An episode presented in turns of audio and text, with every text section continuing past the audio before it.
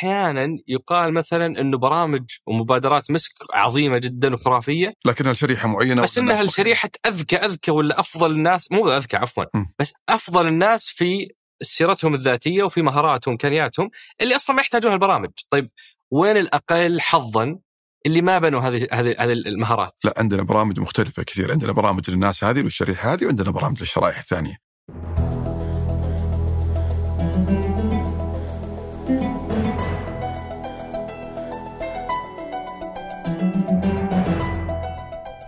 هذا سقراط من إذاعة ثمانية وأنا عمر الجريسي أستضيف قادة التحول وأحاورهم حول رحلتهم في تحقيق أهداف رؤية السعودية 2030 ضيف حلقتنا اليوم مختلف شوي وهالاختلاف يناسب أنه يكون آه، ختام الموسم. أو زي ما يقولون ختامه مسك. فإحنا ضيفنا اليوم هو الأمين العام لمؤسسة محمد بن سلمان مسك المهندس بدر الكحيل. آه، الحلقة يمكن تبان عندكم شوي مختلفة لأننا استغلينا فرصة أنه ضيفنا كان موجود في فترة تأسيس مسك وبداياتها فسألنا عن هذيك المرحلة. آه، إيش اللي يخلي آه، الأمير محمد يفكر في تأسيس مؤسسة خيرية؟ آه، كيف كانت النقاشات والقرارات في تلك المرحلة؟ وكان بالتزامن مع هذيك المرحلة عمل على على مدارس الرياض وقصة التحول حقت مدارس الرياض اللي كان الأمير محمد يرأس مجلس إدارتها وضيفنا كان عضو مجلس إدارة في تلك التجربة. فايضا سولفنا عنها. بعدين دخلنا على آه، آه، مؤسسة مسك في العشر سنوات الماضية من عمرها. آه، إيش أهم اللي تحقق في برامجهم أنشطتهم والكيانات التابعة لهم؟ وتكلمنا شوية عن موضوع كل كيان على حدة سواء مدارس مسك ناقشنا موضوع معايير القبول الأسعار المرتفعة هل هذا يجعلها مدرسة فقط لشريحة محددة من المجتمع؟ تكلمنا عن برامجهم وكيف إنهم بس يختارون المميزين فطيب كيف هذا يتيح فرص لبقية أفراد المجتمع آه وتكلمنا عن آه المتحف العلمي عن آه مسك آرت أو معهد مسك للفنون وعن آه مدينة مسك آه وش فكرة هذه المدينة؟ آه إيش يعني أول مدينة غير ربحية؟ وش يميز هالمدينة؟ متى أول مشاريع هذه المدينة آه متوقع افتتاحها؟ آه، وبعد ذلك ختمنا بمجموعة من أسئلتكم اللي أكرمتونا فيها مثل وش علاقة مسك بالرؤية؟ آه، هل بيكون في جامعة مسك؟ وإلى آخر أسئلتكم الثمينة. أترككم مع الحوار. حياك الله أبو فهد شرفتنا ونورتنا الله يحييك ويسلمك يا رب. أخيرا أبو فهد. كم صار لي كم صار لي استنى هاللقاء. والله سعادة وشرف لي إني أكون معك هذا الله خير. تعرف أنا وش يعني كثر أنا معجب في المحتوى اللي تسويه. الله يرفع قدرك. آه، عملك بشكل عام صراحة عمل رائع جدا سواء نجاحك في القطاع الخاص على مستوى التعليم سواء المحتوى اللي تقدمه في السناب شات يعني أنت أحد آه، خمس حسابات أنا اتابعها لازم أشوفها يوميا. الله يرفع قدرك. أستفيد وأتعلم منها صراحة. آه، أتمنى إنك تكمل وأتمنى إنك تكون قدوة. لشباب كثير يعني يحتذون فيك. يلا التوفيق. وهذا أول لقاء لك أنت. هذا أول لقاء فعلاً. أول لقاء وأنا سعيد إني احضر بهاللقاء الأول عشان. نسولف عن صراحة مؤسسة مميزة ومهمة ب- بأثرها وبارتباطها بالشخص اللي آه، أسسها. وفي هالتاريخ المميز. يعني يمكن اللي اللي ساعدنا نقنعك شوي الذكرى العاشرة لمؤسسة مسك الخيرية. بس قبل ما أبدأ مسك أبو فهد ودي شوي أفهم شيء ما ما قدرت أفهمه. يعني أنا قاعد أمر على السيرة الذاتية ما شاء الله. لقيت عمل في آه، عملك في آه، شركة هندسة عالمية بعدين شركة زراعة محلية ليستد بعدين جيت سفير في- أو اشتغلت في القطاع الخاص بعدين سفير والحين أمين لمؤسسة خيرية. وش القاسم المشترك بين هالتجارب المختلفة؟ وفي أي مرحلة بدأت علاقة العمل مع آه، مع الأمير؟ في البداية أنا تخرجت من الجامعة تخصصي كان هندسة صناعية. آه بعد ما تخرجت عملت مع الوالد والد رجل اعمال قعدت معه ثمانية شهور. آه كان دوري نائب المدير العام أوقع أوراق أوقع شيكات ما كان لي أي دور في العمل ما كان لي أي رأي. آه كان الموضوع محبط شوي بالنسبة لي فطلبت من الوالد الله يحفظه إني أطلع أكتسب خبرة وأرجع لعله يعني يبدأ يثق في آرائي ويثق في فكري ويحس إني فعلا قادر إني أكون يعني جزء فعال في المنظمة حقته. أه توفقت الحمد لله أني رحت لشركة عالمية اللي هي ABB آسيا براون بوفري هي شركة محطات توليد الكهرباء على مستوى العالم. أه بدأت معهم في إدارة المشاريع كمهندس أه مشروع. بعد سنة ونص تقريبا تم إضافة بعض المهام لي من إدارة الجودة إدارة الجودة هناك كانت تعطي زي ال checklist لبعض الموظفين as additional job يعني عمل إضافي أنهم يشيكون على الإجراءات والسياسات حقت الإدارات الثانية. هذا في الرياض؟ في الرياض. في الرياض؟ في الرياض. ما بعد جت ال- النقلة. لا لا ما طلعت توني بادي بسنة إيه. ونص. أول ما بديت طبعا في ال ABB بديت في الرياض لكن تنقلت على مشاريع. قعدت ست شهور في الجبيل الصناعية وقعدت شهرين في القصيم. يعني مريت على المشاريع نفسها في ال site. كانت تجربه جدا صعبة بس إني تعلمت منها الكثير طبعا. فبعد تجربتي في المشاريع جاني مدير إدارة الجودة وقال لي نبغاك تسوي ال checklist هذه أنا ومجموعة من الموظفين الثانيين آه، سويتها أكثر من audit تقريبا وبعدها بفتره يعني حسيت إن في بعض الأسئلة المفروض إنها ما تسأل لأنها بديهية وجزء من العمل الروتيني وفي أسئلة ما تسأل يعني في بعض النقاط المفروض إنه يسأل عنها ما هي موجودة ما هي في موجودة list. يعني. فقلت للمدير الكلام هذا قال لي بدر ارفع لي تقرير أبى أرفع على ال headquarter حقنا في السويد. آه، يعني شركة زي زي شركة زي ABB ما عندها ال- ال- القابلية إنها تغير أي شيء في ال documentation حقها. فلازم يكون في approval من ال headquarter رفع لهم رفعت له تقرير رفع رفع تقرير لهم. قالوا له جيب الشخص هذا واستقطبه عندك في الإدارة وخليه يرأس ال- الجودة. وفعلا بعد سنة ونص تقريبا جتني ترقية استثنائية. إني أصير رئيس قسم. ال ABB عاده ما حد يصير رئيس قسم إلا بعد ثلاث سنوات. يعني هذا النظام حقهم. والنظام نظام يعني ما- يستثنى إلا أمر من ال headquarter.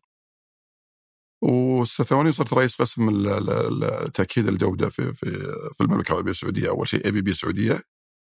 وبدأت التركيز على الجودة أكثر من إدارة المشاريع. طبعا خلال عملي في إدارة المشاريع أنا حصلت على إدارة احت- شهادة احترافية إدارة المشاريع من جامعة ABB في السويد. آه، هذه من الأشياء اللي يعني صراحة استفدتها كثير من ال ABB. آه، بعد السنة ونص اللي في الجودة صرت رئيس قسم الجودة في MENA ABB MENA السعودية واليمن والبحرين باكثر من دولة معهم. آه، استمريت سنتين زيادة صار يعني كملت خمس سنوات تقريبا في ABB. بدأ العمل يصير شوي روتيني، بدأ العمل يصير ما في تحديات، بدأ العمل يصير تقليدي خلينا نسميه. تموت في التحديات إي والله. آه، حلو العمل يصير فيه تحدي، صح. حلو العمل يصير فيه آه، يعني شيء فيه تقدر تبدع، تقدر تبتكر، تقدر تسوي، تقدر تنجز. آه، فرحة الإنجاز يكون لها طعم ثاني. صادق بعد ما كملت خمس سنوات جتني فرصة عمل في شركة نادك طبعا هي listed company وجتني ب level management level يعني كنت رئيس قسم جتني مدير إدارة مدير إدارة تأكيد الجودة كانت إدارة تأكيد الجودة مع إدارة ثانية اسمها إدارة المراجعة الداخلية يرأسهم مدير تنفيذي واحد. أه توفقت الحمد لله بالمدير التنفيذي هذا فكان يجمعني أنا ومدير إدارة المراجعة الداخلية بشكل أسبوعي. آه، نراجع مع بعض ال achievement حقت ال last week وال plan حقت ال next week فصرت أنا مطلع على الأعمال اللي يسويها وهو مطلع على الأعمال اللي يسويها أنا. فإذا طلع المدير التنفيذي هذا إجازة أو رحلة عمل أو أي شيء يا يكلفني أنا مره يا يكلفه وصرنا أنا وياه قادرين على إدارة الإدارتين كاملة. بعد تقريبا فترة استقال المدير التنفيذي فجتني فرصة إني أكلف أن أكون مكانه مدير تنفيذي ولكن بشرط إني أحصل على شهادة CICA اللي certified internal control auditor من معهد المراجعين الأمريكيين اللي شهادة احترافية أو شهادة آه، فاحص معتمد من معهد المراجعين الأمريكيين. كلفوني أربع شهور قالوا لي معك يعني فترة بعد أربع شهور فعلا أخذت الشهادة ثبت. كنت وقتها هذا الكلام عام 2008 أصغر مدير تنفيذي في الشركات المدرجه في هيئة آه، سوق المال. بعد سنتين 2010 كلمني شخص آه، عظيم جدا لكن له كل احترام وتقدير. كان هو ال headhunter حق آه، سمو الأمير محمد. وقال أنا صار في تعامل بيني وبينه فترة في فنادق آه، إذا كان تحب تسمع القصة إي هي الرئيس التنفيذي كلمني مرة قال لي آه، بدر أنا ودي نعين مدير تنفيذي للموارد البشرية ولا ودي نعينه من, من نفس إدارة الموارد البشرية ودي نعينه من برا يعني أحد يتدخل من برا عشان لا يصير فيه أي conflict of interest. قلت له والله أنا ما عندي أحد معين هو يسأل إذا كان في أحد من معارفي أو أصدقائي أو أحد يعني أرشحه يكون qualified طبعا. فقلت له بسالك وشوف سألت آه، دلوني على ال headhunter الأستاذ سلطان العماش. فكلمته وقتها قال لي okay وارسل لي CV ين أرسلته للرئيس التنفيذي قال لي مين تشوف أفضل؟ في واحد شاب كان في واحد كبير في العمر. أنا صراحة كنت أكثر مع الشاب. آه، بس خبرته طبعا أقل من الكبير في العمر. والرئيس التنفيذي كان يميل أكثر للكبير في العمر. وفعلا وظف الكبير في العمر هذا. بعد فترة تقريبا أسبوعين أو ثلاث أسابيع من توظيف الشخص كلمني سلطان عماش وقال لي آه، مهندس بدر أنا بس آه، حصلت على مقابل مادي لأنه هو شركة توظيف في النهاية فأنت تستحق جزء من المقابل المادي هذا. قلت أنا ما سويت كذا عشان اخذ مقابل مادي أنا سويت كذا بعلاقة شخصية مع الرئيس التنفيذي يعني طلب مني بشكل شخصي وبشكل ودي وفزعت. ما قال يعني هذا حقك وكذا ورفض طبعا إني أخذ أي شيء. لعلي كبرت بعينه شوية يعني زياده أكثر من إنه شايف ال qualification وهذا. فقال لي بدر أنت لازم تطلع من نادك قلت أنا بالعكس أنا جدا مرتاح. آه، شركة قدرتني شركة آه، تعلمت فيها أشياء كثير استفدت منها أشياء كثير. يعني غير خبرتي اللي أنا صقلتها في البداية في في اي بي بي اي بي بي طبعا تعتبر بالنسبة لي مدرسة تعلمت منها الكثير. آه نادك تعلمت منها أشياء ثانية مختلفة تماما عن اللي تعلمته في ABB فلها فضل كبير. علي والناس مقدريني وقاعدين يرقوني ويطلعوني وخلوني أصغر مدير تنفيذي في, في, في, في أصغر يعني عمر موجود في هذاك الوقت. آه فما كان عندي فعلا رغبة إني أترك الشركة وتحدياتها ما زالت مستمرة. يعني إدارة المراجعة الداخلية ميزتها دائما فيها تحديات لأن هي عبارة عن قياس لافضل الممارسات مع اللي قاعد تسويه. فأنت قاعد تشوف وتطور الإدارات التطوير دائما مستمر ما يوقف. آه، إدارة الجودة هي وضع أهداف واستراتيجيات وكي بي آيز ومتابعتها. العمل فيها نفس الشيء ما, ما, يوقف. فكانت بالنسبة لي ممتعة. ما كان في أي ملل أو إحساس إنه في عمل روتيني. ففي البداية سلطان عماش آه، كلمني عن وظيفة آه، بدون تسمية يعني family business قال لي يدورون على ال quality group manager وكذا عندهم شركات عائلتين ويبون quality assurance group manager وبراتب جدا مغري كان وقتها فرفضت أنا قلت له أنا ما راح أطلع من listed company إلى إلى family business فجاني بقى يعني وليه؟ وش المشكلة؟ أنا استقريت في, في عملي وشقيت مساري أيه. وصلت إلى ما وصلت إليه في هذاك الوقت ما كان سهل إني أترك كل شيء وأروح تحت يعني شيء غير مستقر بالنسبة لي، ال family business أعتبره غير مستقر. لأن العمل فيه ما هو عمل مؤسسي كثر ما هو عمل بأمر شخص واحد. أفراد اي أمر شخص واحد أو شخصين وات يعني التنظيم ممكن يختلف، العمل ممكن يتغير في لحظة. غير الشركات اللي عندها عمل واضح وعندها استقرارية وعندها استابيليتي. فاول وظيفة قلت لا. قلت لا. بعد شهر أو شهرين تقريبا كلمني قال لي في سمو الأمير محمد بن سلمان آه، يبحث عن كفاءات وهو مستشار الملك. الله يطول بعمره كان وقتها أمير الرياض.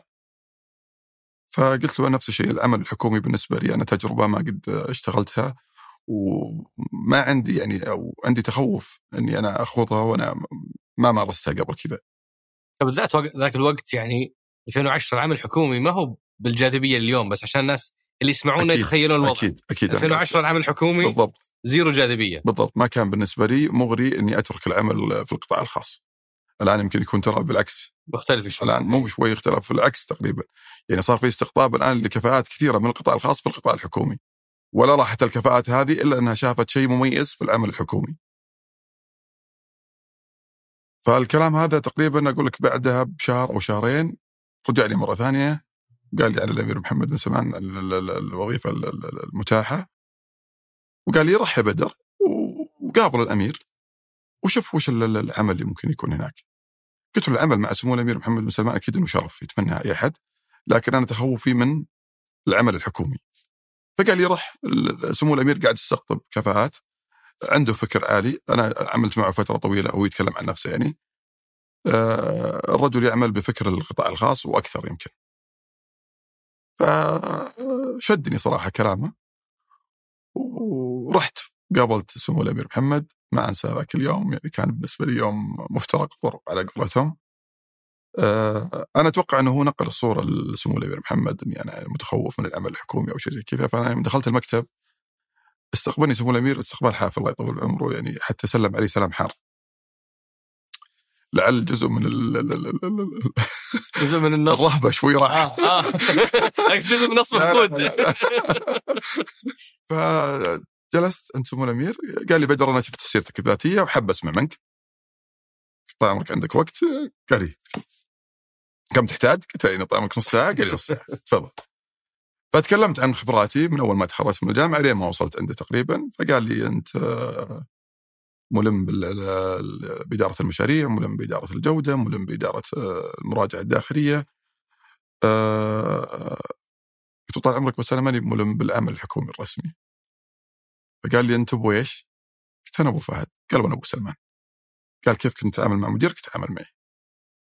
بكل أمانة أنا بهرت بشاب ملم بتفاصيل ومنهجية القطاع الخاص وهو يعمل في الحكومة. كيف؟ يعني شلون لاحظت كان يناقشني في تفاصيل اللي أنا قاعد أتكلم عنها سواء في اداره في جميع التخصصات اللي أنا اشتغلت عليها كان يناقشني ويسألني أسئلة يعني تدل إنه هو الرجل هذا فاهم إيش قاعد يقول. تذكر بعض سؤال منها مثلا؟ والله ما أذكر تفاصيل لكن لما أقول له مثلا أنا اشتغلت في اداره المشاريع وأخذت ال PMP أخذت قال كيف أخذتها؟ آه، من الشركة أخذتها عن طريق معهد خارجي مثلا المفروض إنك تشتغل عليها هذه ثلاث آه، ثلاث دورات متتالية. لا طيب أنا سويتها وأنا على رأس العمل. فهو عارف حتى الشهادة الشهادة هذه كيف, كيف تؤخذ؟ يعني ناقشته حتى في موضوع المراجعة الداخلية. قال لي المراجعه الداخليه في الجودة إيش الفرق بينها وبين المراجعه الداخليه كإدارة مستقلة؟ قلت له هذيك طبعا تاكيد قال لي تأكيد الجودة غير ال quality control غير آه، ضبط الجودة. يعني أتناقش مع شخص كأني قاعد أتناقش مع مدير تنفيذي مدير تنفيذي في أحد الشركات. بكل أمانة. بهرت وعجبت كثير حسيت إنه شرف كبير إني أعمل تحت القائد. وقتها قلت طال عمرك أنا معكم جاهز. قال لي متى تقدر تطلع؟ قلت بس أحتاج شهرين لين ما أعطيهم notice وأطلع. وكانت بالنسبة لي الشهرين هذه يعني الامير قال لي لا شهرين كثير. قلت الله يطول عمرك أنا بكمل بكلم الإدارة عندنا وبشوف وبعلمك. ف يعني في جزئية هذه ما أدري إذا ودك تسمعها ولا لا بس إني أنا رجعت للرئيس التنفيذي في نادك. علاقتي كانت فيه جدا رائعة. الرجل له فضل كبير علي بعد رب العالمين في أنه كلفني حتى في الإدارة التنفيذية للإدارة هذه المراجعه الداخلية والجودة. آه، دعمني كثير في في في, في عملي في نادك. يعني عملية المراجعة الداخلية ما هي سهلة أنك تراجع على ناس ما قد راجع عليهم أحد. وشخص صغير في العمر يجي ناس لهم 30 و35 سنة بعضهم في في العمل. فيعني كيف تقنعهم إني أنا ممكن أنقل لكم البست براكتس أو الأفضل الممارسات؟ وأنا جاي هنا بس أنا أطور وأحسن عملكم. فكانت فيها صعوبة كثيرة. آه، دعمني فيها الرئيس التنفيذي وقتها المهندس عبد العزيز البابطين لكن له كل احترام وتقدير كذلك. آه، فرجعت له وتكلمت أنا وياه في موضوع تركي للعمل قلت ابى اجس النبض أول شيء وأشوف قطاع مكانية في عندنا الآن يعني لازم يصير في نائب للإدارة ولازم يكون في handover صحيح. لو أنا طلعت لو صار لي أي شيء لازم يكون العمل. أنا في الشخص الفلاني بخليه هو النائب للإدارة ويكون هو المسؤول الأول بعدي. لعله هو حس إنه في شيء. بس ما قال لي. ما قال لي ولا تكلم ولا رد علي بأي شيء يدل إنه فاهم شيء في الموضوع هذا. بعد يومين أرسلت له استقالتي. وأنا في مكتبي وطلعت له مكتبه فوق. لقيت على الباب مساك الله خير محمد نور آخر الدوام كان. طالعني كذا هو واضح إنه منهمك كان في العمل قال إيش عندك أبو فهد؟ تشتكي إدارة؟ قلت لا طبعا كل الإدارات الحمد لله متعاونين وما فيهم أي إشكال. قال عملكم آه، في شيء؟ قلت لا الله يسلمك بس لا تفتح إيميلك. ترك الأوراق كذا وقفلها وفتح الجهاز جلست عنده قراها كذا وطالع. والله ما أنسى موقفه يعني. طالعها كذا طالعني قال ولا كأني شفت شيء. في شيء ثاني؟ قلت له الله يسلمك أنا لازم أطلع وأنت ما قصرت معي وكذا وكذا وفعلا أنا مدين لكم بأشياء كثير. قال لي بدر إحنا اللي مدينين لك. إحنا أنت نقلت آه احترافيا عندك كلمته هذه ما أنساها وكتبها لي. رد على الاستقالة حقتي. رد علي رد صراحة ما أنساه. أنا يعني حاطه في برواز عندي من كثر ما اعتز بالكلام اللي اللي كان كاتبه لي. حتى مدير الاتش في ذاك الوقت يقول لي أنا ما عمري شفت رئيس تنفيذي له أكثر من 13 سنة رئيس تنفيذي. ما قد شفته رد على استقالة أحد الرد اللي ردوا عليك. بس طبعا قبل الرد قاعد يقول لي لا ولازم أعرف وين بتروح شو بتسوي وش سبب الاستقالة. فقلت له إني بروح أعمل مع سمو الأمير محمد. قال لي إحنا فخورين إن الناس اللي بتعمل معه بتصير زي كذا. إذا هو كذا فتفضل. الله يوفقك. ما أنسى حتى والله يعني لفتة إنسانية عظيمة كانت منه. قال لي إحنا بنوزع البونص بعد أسبوعين أجلها بس أسبوعين. قلت ما أقدر. أنا عندي توجيه إني أطلع في أقرب وقت وإذا سمحت لي بس أنا رتبت كل ال handover. والشخص اللي أنا كلمتك عنه قبل يومين جاهز إنه يستلم جميع الأشياء فأنا بس اللي أطلبه منكم. تعطوني يعني ال notice هذه تكون في أقل وقت ممكن. وفعلا طلعت وبدأت العمل وتشرفت بالعمل مع سمو سيد حمد. أتوقع بعد هذه أبو فهد بدأ الحديث والكلام على موضوع مسك كمؤسسة خيرية وأتذكر صار فيه موقف أثناء إجازة الأمير. في بدايات ولادة الفكرة حقت مؤسسة مسك. لو تعطينا هذيك السالفة. هذه في بداية بداية عملي مع سمو الأمير محمد. طلع إجازة سمو الأمير خارج المملكة. استانستوا أنتم أكيد. طبعا. قلنا يعني الآن. في شوي يخف الضغط حق العمل. تفاجأت باتصال. قال أنتم مطلوبين. أنت سمو الأمير. في إجازته في المكان اللي في خارج المملكة. سم. طلعت. وصلنا هناك. إحنا مجموعة كنا. قابلنا سمو الأمير. قال أنا أبغى أحط استراتيجية لمؤسسه مسك. وابغى اقابل مكاتب استشارية. طلبتهم يجوني هنا بقابل خمس مكاتب ونشوف وش أفضل مكتب ونشتغل معه إنه يحط لنا الاستراتيجية حقت المؤسسة. قعدنا تقريبا آه، قابلنا أربع أربع مكاتب كل يوم نقابل مكتب طبعا الاجتماع مع المكتب يقعد ثلاث أربع ساعات لأن سمو الأمير يشرح الرؤية اللي عنده يشرح وش التصور اللي يحتاجه في المؤسسة هذه.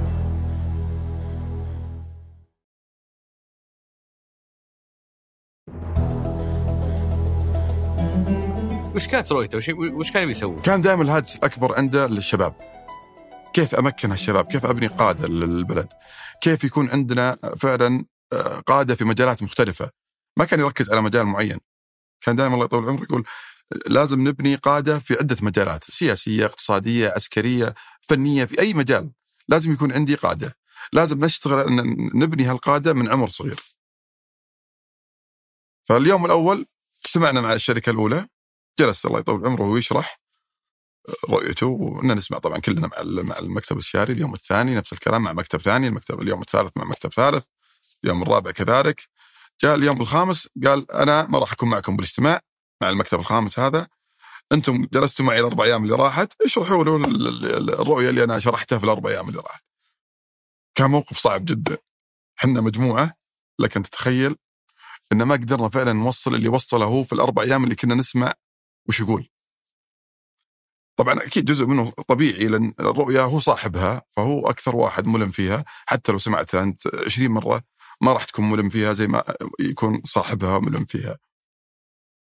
حاولنا واجتهدنا وعصرنا على قولتهم. عقولنا لين طلعنا اللي قدرنا نطلع مع المكتب الخامس ورجعنا الرياض. انتهت المهمة الخمس أيام هذه ورجعنا الرياض. بعدها بأسبوعين تقريبا آه، طلبنا في اجتماع. مع سمو الأمير بعد ما وصلتنا العروض من الخمس مكاتب. كان الهدف من الاجتماع مناقشة العروض. جلسنا ما أنسى ذاك الاجتماع جلسنا ناقشنا العروض ناقشنا تفاصيلها كان في إجماع تقريبا على أحد المكاتب وأنا كان لي رأي مختلف للأمانة لأن المكتب المكاتب الخمسة جودتها عالية، المكاتب الخمسة يعني من أفضل خمس مكاتب على مستوى العالم، يعني ما في فرق كبير في الجودة بينهم. فالسعر كان عالي جدا للمكتب اللي تم الإجماع عليه من من قبلهم قبل سمو الأمير والمجموعة الثانية. أنا كان لي رأي مختلف مع مكتب ثاني فقلت لسمو الأمير أنا أشوف إن المكتب هذا أفضل من المكتب هذاك لأنه فرق كبير في السعر ما هو فرق بسيط يعني. وبنفس الوقت جودة المكتب هذا مشهود لها ومعروف. يعني مخرجاته ما هي ما هي جودة أقل. إذا جينا بنقارن جودة وتكلفة. فتفاجأت إن سمو الأمير وقف. تحرك كذا. قال لي بدر بكرة تعال المكتب الصباح. كان الوقت متأخر في الليل. قال لي بكرة تعال المكتب الصباح. ويا تقنعني يا أقنعك. الله يطول بعمره يعني آه، تخيل هذا الموقف بداية عملي مع سمو الأمير محمد. فهذا يعطيك أريحية أول شيء وانطباع عن القائد اللي أنت قاعد تعمل معه أنه فعلا آه، يستنير بالآراء اللي موجودة يناقشها ما عمره فرض بس أنا ما فهمت ليش يحتاج يقنعك؟ يعني أنت لازم اجماع قراراتكم؟ المفروض بالحوكمة إنه في إجماع. كان يقدر يقول تصويت إحنا مجلس. بالأغلبية بالأغلبية يمشي القرار. بس سمو طيب ليش لازم يقنعك؟ سموه ما أدري يعني كان دائما عنده الهاجس إنه يسمع الآراء ويفهم. ليش الرأي هذا؟ ما كان ابدا يعني يسمع الرأي و... ما يهتم. رحت له بالفعل في المكتب؟ رحت له المكتب ثاني يوم الصباح تناقشنا شرح لي وجهة نظر ثانية أكثر. بكل أمانة اقتنعت في وجهة نظره وتوكلنا على الله وبدينا العمل مع مكتب وفي يمكن سؤال الشاب. قبلها أبو فهد سم. آه أصلا أصلا وش اللي يخلي يعني أنا أنا ماني قادر أستوعب وش اللي يخلي شاب في العشرين يفكر يسوي مؤسسة خيرية؟ وش الدافع للأمير؟ يعني عادة المؤسسات الخيرية معروفة أنها الواحد بعد الستين السبعين أحيانا بعد وفاته أسرته يبدون يسوون مؤس- مؤسسة خيرية ما أذكر أني سمعت عن قصة مؤسسة خيرية لشاب في العشرين وش وش وش تتوقع الدافع؟ سمو الأمير آه، الله يطول عمره كان مستشار الأمير رياض كان مستشار الملك سلمان الله يطول بعمره في هذاك الوقت وكان عضو معه في جمعيات خيرية كثيرة. طبعا آه، رائد العمل الخيري في المملكة مولاي الملك الله يطول بعمره فكان سمو الأمير عضو معه في مجلس إدارة مجلس إدارة أكثر من جمعية خيرية. من ضمنها على سبيل ال- ال- المثال جمعية البر جمعية الملك سلمان الاسكان الخيري وجمعية تحفيظ القرآن. فمن خلال عمله في هالجمعيات وفي هالمجال شاف إنه في فرص كبيرة للعمل الخيري. والفرص اللي كان يشوفها هو أكبر من العمل الخيري التقليدي الموجود. وكان طبعا هو الهاجس الأكبر عنده الشباب فوظف هال- هال- هالخبرات اللي شافها من خلال عمله في في المجال هذا مع إيمانه بتمكين الشباب في إنه يبني مؤسسة خاصة. وطبعا ساعد على الكلام هذا خروجه من العمل الحكومي في ذاك الوقت على وقت الملك عبد الله الله يغفر له ويرحمه و يعني هذا هذا هذه نواة وب- وبذرة ولادة مسك بسوي لها هولد بحط لها كذا آه، يعني بحطها في الدرج شوي وبنتقل لتجربة ثانية كانت بالتوازي آه، قاعدين تخوضها آه، أنت مع يعني مع الأمير ولاحقا لها حتكون لها علاقة. ب- بمؤسسة مسك اللي هي تجربة التحول في مدارس الرياض. آه، حدثنا عن القصة هذيك وش وش اللي كان يصير في مدارس الرياض وإيش اللي سويتوا؟ مدارس الرياض الله يسلمك هي أول قصة نجاح لي مع سمو الأمير محمد. أول قصة نجاح أعيشها وأعمل مع سمو الأمير وأشوف نتائجها. في البداية سمو الأمير طبعا واحد خريجين مدارس الرياض فهو ملم جدا بالمدارس ملم بالتحديات اللي موجودة فيها فذاك الوقت كانت تحديات آه، يعني كثيرة صراحة. فالله يطول بعمره أول ما تأسس المجلس شكل هو المجلس برئاسته طبعا آه، اختار كفاءات عظيمة في مجالات مختلفة. يعني على سبيل المثال كان معنا الدكتور عبد الله عثمان رئيس أو مدير جامعة الملك سعود في ذاك الوقت. كان معنا الدكتور أحمد السيف نائب وزير التعليم العالي في ذاك الوقت. كان معنا الدكتور عبد الله الموسى وكيل آه، وزارة التعليم العالي للابتعاث. كان معنا الدكتور عبد الرحمن الزامل. كفاءات صراحة يعني الواحد ما وده ينسى الأسماء لكن كفاءات عظيمة كانت موجودة في المجلس وكان عمل أي مجلس بالنسبة لسمو الأمير وضع استراتيجية واضحة جاب إدارة تنفيذية قادرة على تنفيذ الاستراتيجية. فاثناء وضع الاستراتيجية كان دائما سؤال سمو الأمير أبغى أفضل ممارسة تمت في العالم في التحول الناجح في التعليم. فاضطرينا طبعا نستعين بمكتب استشاري علشان يجيب لنا أفضل الممارسات اللي موجودة في العالم. وبالفعل جاب لنا ممارسة تمت في أستراليا. كان في قائد هناك اسمه رون. قاد قطاع التعليم في أحد المقاطعات في أستراليا. من أسوأ المقاطعات هناك. بعد ثلاث سنوات إلى أحد أفضل المقاطعات في التعليم في أستراليا. بهر سمو الأمير. بالتجربه قال بتجيبوه وخلينا نشتغل معه. هذا كلام عام كم؟ 2011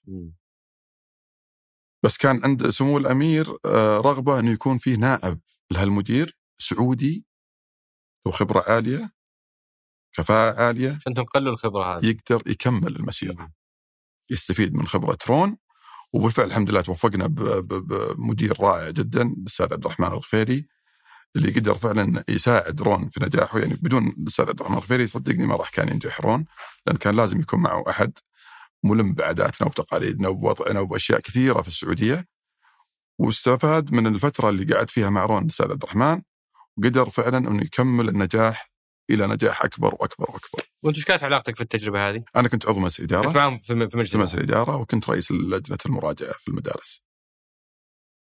طبعا آه، العمل ما كان سهل في المدارس. آه، يعني رون دعمه المجلس كثير. وهذا كان توجيه سمو الأمير إنه فعلا يدعم بشكل كبير عشان لا يكون له أي عذر إنه ما ينجح. دعم وبالفعل كان عنده محاور معينة اشتغل عليها لتنفيذ ما طلب منه. ومن خلال خمس محاور رئيسية في المدارس نقلها نقلة نوعية. عطنا أرقام. يعني مثلا على سبيل المثال أول شيء قبول الطلاب صار في معايير عالية للقبول لقبول الطلبة في المدارس وبالرغم من وجود هالمعايير العالية زاد عدد الطلاب من 3000 إلى 4000 صار عندنا اختبار قياس. كان ترتيب المدارس 18 أصبح الثاني. على مستوى لما نتكلم عن مستوى المدرسين وكفاءة المدرسين كان في عندنا المدرسين اللي عندهم الكفاءة المهنية. شهادة الكفاءة المهنية المعتمدة نسبتهم صفر في المدارس. صفر. صفر. أصبح المدرسين اللي عندهم شهادة الكفاءة المهنية تجاوز ال 84% على مستوى حتى آه، يعني أشياء كثيرة صارت في المدارس. ما تتخيل حجم النقلة النوعية اللي صارت في المدارس. الغياب الغياب مثلا كان عندنا نسبة الغياب عالية جدا في مدارس الرياض. اتذكر مشهور مدارس الرياض. بالغياب صحيح. يعني ال- اللي كان ما هو بمرة جاد صحيح. يروح لمدارس الرياض ويفلها. صحيح كانت نسبة عدم الالتزام 70% يعني عفوا نسبة الالتزام والانضباط 70% صارت نسبة الالتزام والانضباط 98% يعني من 30% عدم الالتزام إلى 2% سواء بالحضور أو بالانضباط داخل المدرسة نفسها. انتقلت نقلة نوعية وعلى فكرة ما زال سمو الأمير يشتغل على تطوير مدارس الرياض أنها تكون من أفضل 100 مدرسة في العالم. وبعدين إيش إيش اللي صار فيها وارتبطت بمسك؟ طبعا هي مدارس الرياض آه، كان الرئيس الفخري لها الملك سلمان الله يطول بعمره وكانت مؤسسة غير ربحية كانت. وهي كانت هي مؤسسة ما ما كان لها اي أي إطار آه، قانوني. كان يملكها المدير العام للمدارس. فصار في كيف تاطير يملكها مدير عام المدارس؟ في السجل التجاري حقها كذا المالك مدير المدارس آه، كاسم. كل ما تغير المالك تغير كل ما تغير. المدير تغير المالك. بس هي معروفة إنها مشروع هي هي الملك سلمان. كانت حكومية، اي المباني كانت هبة من الملك فهد الله يغفر له ويرحمه في ذاك الوقت. والملك سلمان تبنى إنه فعلا إدارة هال- هالمدارس هذه وتقويمها وكان هو الرئيس الفخري لها. وانتقلت الآن انتقلت إلى مسك ضخ فيها سمو الأمير مبالغ كبيره طور فيها المباني حقتها طور من العمل اللي موجود فيها حتى خلال فترة مجلس الإدارة من 2011 تم ضخ أموال عالية جدا لتطوير المباني لتطوير الكفاءات اللي موجودة. لما نتكلم عن الكفاءات اللي زادت 84% أكيد إنك قاعد تدفع cost عالي. نوعية المدرسين اللي كانت موجودة اختلفت كثير فال cost حقت ال- ال- النوعية هذه تختلف تماما عن ال cost حقت النوعية السابقة. فصار في لها دعم كبير من سمو الأمير واحتضنتها مسك وأصبحت أحد ال subsidiaries اللي موجودة في مسك. أنا أتذكر يعني إن شاء الله ما ترجعون على المدرس هذا وتفصلون وتسوون له شيء. كان في مدرس يدرس ما أتوقع إنه موجود أصلا. أكيد إذا هو سيء ما أتوقع إنه موجود. لا والله ممتاز. من أرهب مدرسي الكيمياء اللي عندكم. آه كان يجيني يدرس لي خصوصي. أتذكر في نفس الفترة هذيك اللي اللي بدأ فيها آه المجلس الإدارة الجديد برئاسة الأمير محمد يشتغل في مدارس الرياض. فكان يجيني يدرس لي خصوصي. بعدين جت فترة صار صعب. يا الله ألقى مواعيد معه ويتأخر. أستاذ فلان وش السالفة؟ قال والله جانا واحد أسترالي. يا هو مستقعد لنا يا هو قاعد لنا. فأنا أقول له يعني يعني خلاص بتندم المدرسة. قال لا الصراحة إحنا قاعد نضبط المدرسة بس خنقنا إحنا. الحين ما عاد نقدر إحنا يعني ناخذ راحتنا ونروح ونجي زي أول. صار في برامج تدريب بعد الدوام صار في التزامات معينة. فكان يعني الله حق منصف يقول إنه قاعد يشغلنا بس هذا لصالح المدرسة. صحيح. آه في مثال بس تأكيد الكلام هذا أنا كلمني مرة الأستاذ عبد الرحمن الخفيري. ما أنسى اللي هو. النائب المدير. نائب المدير العام إيه. عام 2012 أو 2013 فقال لي في شخصية إعتبارية كبيرة في البلد. كلم المدير العام رون وقال له إن في واحد من عيالي لازم يغيب أسبوع كامل آه، مع بداية الدراسة. ورفض طبعا رون زي العادة ورفض أي استثناء. فرجع كلمني أنا الآن ويقول أنا محتاج الأسبوع هذا لازم استثناء ما أبغى ينخصم درجات من ابني أو ما يعاقب. كان في خوف من العقاب. رون صراحة كان آه، فعلا الصورة اللي وصلتك هذه صحيحة 100% الشخصيه الاعتبارية كبيرة جدا فحتى أستاذ عبد الرحمن شال همها قلت أنت وش التوجيه اللي عندك أستاذ عبد الرحمن؟ ما في استثناء لأي أحد. بأمر الرئيس الفخري الملك سلمان الله يطول عمره وبأمر سمو الأمير محمد رئيس مجلس الإدارة. اللي عنده أي شيء يرجع للاثنين. قال أنت المسؤول أبو فهد؟ قلت أنا المسؤول. وبالفعل ولد الشخص هذا داوم داوم داوم. احتراما لهالنظام اللي يطبق على لأنه الجميع. عارف إنه بيعاقب. والعقاب ممكن يصل للدرجات يصل لأشياء ثانية. هذه كانت أول أول قصة. قصة نجاح في عملي مع سمو الأمير محمد. وبالتوازي كان العمل على مسك بمرحلتها الأولى. صحيح. آه اللي آه نقدر نقول مثلا من 2011 من 2010 بدأ التجهيز لمسك. 2011 أسست المؤسسة. أنا أتذكر آه، أول مرة شفت اللوجو حق آه، حق مؤسسة آه، مسك كنا في آه، فعالية TEDx Kids اللي في آه، آه، وش اسمه المسرح آه، آه، مسرح الملك فهد الثقافي هو أو مو مو مركز الثقافي مركز آه. الملك فهد الثقافي. مركز الملك فهد الثقافي. إيه، كان في البداية هناك بعدين صرنا في ال- الفنادق. آه، الله الله. season بعدين الله الله. إيه. أتذكر أول مرة كانت جهاد الحميد داعيتنا كان في TEDx Kids. وفجأة الح- طلع لوجو الفعالية بش- ب- برعاية مؤسسة محمد بن سلمان الخيرية مسك. قاعد أقرأ أنا أول مرة أشوف هذا اللوجو. بعدين قاعد أسولف مع, طبعا مع ما عاد في المسمى هذا مؤسسة. تغير المسمى وبنجيها بعد شوي. إيه، ليش إنشالت خيرية؟ أتمنى إنه ما ما ينقال المسمى. لا أنا أذكرها أذكرها. ترجعها مرة باللي. قريته. طيب سم. إي باللي قريته. سم, سم. آه فهذا كان أول مرة شفت اللوجو. إيه. لو تعطينا أبو فهد آه المرحلة الأولى من مسك إيش كان أبرز الأشياء اللي صارت فيها. ولو نركز على لغة الأرقام برضو آه نكون يعني آه قدرنا ننقل شيء ثري لل- للمتابعين. أبشر. طبعا أول ما تأسست المؤسسة زي ما قلنا كان الهدف من تأسيسها هو تمكين الشباب بناء قاده فتشجيعهم ومساعدتهم فكانت مؤسسة في البداية تهدف إلى الوصول للشباب خلال محاكاة الشباب البدايات الفعاليات البرامج اللي كانت آه، تعطى لهم. فأصبحت منصة مسك للشباب. استفادوا منها أكثر من 77 ألف مستفيد في هذاك الوقت. آه، يعني تتكلم من تقريبا عن 250 دورة عقدت في مجالات مختلفة. آه، استفادوا النتوركينج حتى الشباب مع بعضهم. اليوم نشوف أكثر الشباب اللي ناجحين يعني بس أكيد كانت أحد العوامل لوصولهم للي وصلوا له الآن. آه، قامت بدور عظيم صراحة في البداية. موضوع ال- الجامعات ال- ال- إيه. العالمية. أنا أتذكر قريت في تقريركم إنه آه مسك ساعدت في وصول آه أكثر من 200 شخص- 250 طالب 250 طالب لأفضل 20 لأفضل جامعه 20 جامعة في على العالم مستوى العالم على مستوى العالم يعني هذه صراحة آه، فرصة عمر إيه. تغير حياة إنسان إنك تأخذه من نقطة وتدخله هذه الجامعات بكل مكاسب ال networking ال- الاسم صحيح. لما يتخرج صحيح. المعرفة صحيح. والمهارات من خلال البرنامج اللي كنا نسويه للخريجين الثالث ثانوي في الصيف كنا نوديهم للجامعات ونعطيهم كورسات فعلية. وهو طالب يعني تو ما ما ما- درس الجامعة إلى الحين. يدرس كورسات فعلية في الجامعة يمارس الدراسه الجامعية.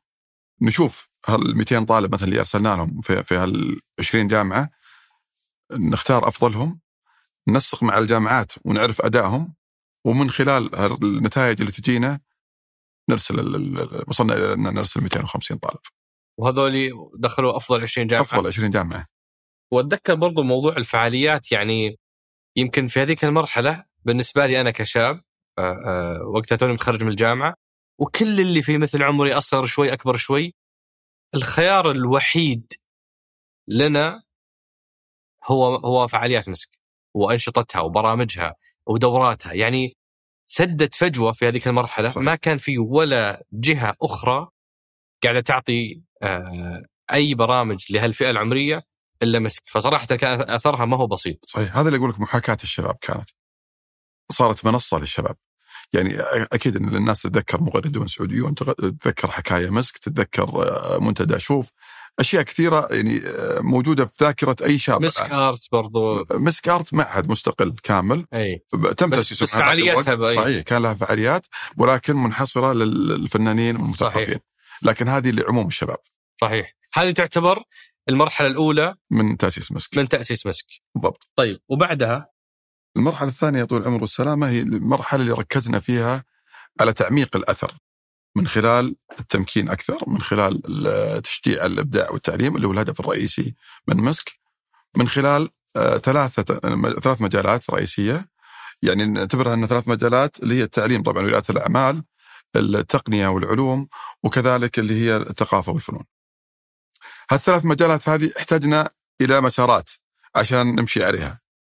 فحددنا أربع مسارات رئيسية تخلينا فعلا نمشي في المجالات حقتنا مسار مسك القادة، مسك المجتمع، مسك الريادة ومسك المهارة. بعد ما أسسنا الاستراتيجية وحطينا المجالات وحطينا المسارات اللي بنعمل عليها وضعنا أهدافنا. أهدافنا كانت كثيرة صراحة في البداية ولكن ركزنا على أربع أهداف رئيسية الآن. الهدف الأول كان إن 5% من القادة في المملكة سواء في القطاع الحكومي أو القطاع الخاص يصيرون من مستفيدين مسك من البرامج اللي تعطى لبناء القاده هذولي. آه الهدف الثاني كان أن ننشئ 10000 وظيفة من الأشخاص اللي استفادوا من برامج مسك. الكلام هذا خلال خمس سنوات لازم يتحقق. نفس الشيء الهدف الأول. الهدف الثالث كان بالنسبة لنا أنه يكون في تأسيس لشركات ناشئة قيمة الشركات هذه لا تقل عن 3 مليار ريال. ما يعني أقدر أقول أنا انشئ شركات ناشئة ولكن بقيمة أنتم تنشئونها هذه؟ إحنا ما ننشئ الشركات إحنا نساعد ندعم آه. ندعم ونساعد الشباب في أنهم فعلا ينشئون الشركات هذا اللي هو مسك ريادة. اللي هو الريادة مسك الرياده والهدف الرابع والأخير كان اللي هو إطلاق 50 منظمة غير ربحية شبابية. اللي يرجع لسؤالك الأول ليش سمو الأمير وهو شاب فكر فكر إنه ينشأ مؤسسة غير ربحية؟ الهدف حتى أنه يصير الشباب عندهم الفكر هذا. وبالفعل إحنا حققنا إلى الآن في السنة الأولى فقط ثمانية آه، منظمات غير ربحية. من ال 50 حققت ثمانية. من ال 15 من 15 اللي المفروض تحقق خلال خمس سنوات حققنا ثمانية في السنة الأولى. آه، على مستوى الشركات الناشئة في السنة الأولى حققنا شركات أو دعمنا أشخاص لإنشاء شركات ناشئة بقيمة أكثر من مليار ريال. من الثلاثة مليار من الثلاثة مليار. بالضبط. وال 10000 ال 10000 560 موظف 559 موظف بالضبط. وظفناهم هذا اللي مقصرين فيه شوي عن نعتبر الهدف لكن شغالين عليه إن شاء الله بإذن الله تعالى السنة الثانية هذه إنه يكون في تعويض للسنة اللي راحت. الهدف الرابع. الهدف الرابع اللي هو القادة طبعا اللي 5% برنامج القادة اللي الجميع الآن الحمد لله يتكلم عنه ويتكلم عن المخرجات اللي راح تبدأ إن شاء الله تكون بعد ثلاث شهور من اليوم.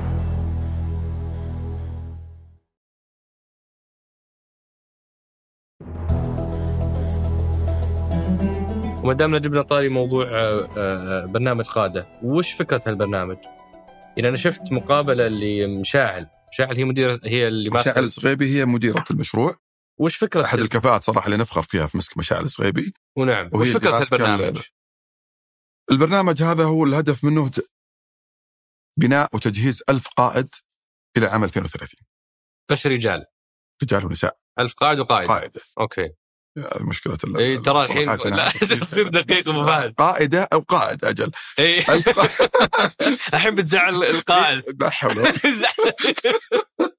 شوف أنت مزعل أحد مزعل؟ طيب وكيف اختار مين زعل. نزعل الشباب أسهل. أسهل. فالهدف ان نجهز ألف قائد إلى عام 2030 من خلال طبعا آه، دورتين في السنة أو يعني دفعتين في السنة الواحدة. الدفعة الواحدة عبارة عن 90 متدرب.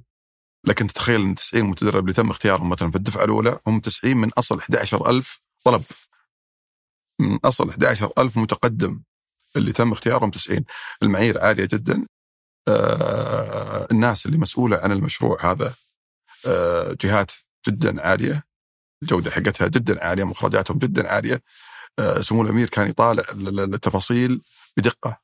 ويتأكد من جميع الأشياء إنها راح تطلع لي فعلا مخرجات صحيحة. فإن شاء الله يعني طموحنا كبير إن المخرجات اللي تطلع من من هالبرنامج هذا ترتقي ترتقي إلى طموح سمو الأمير محمد.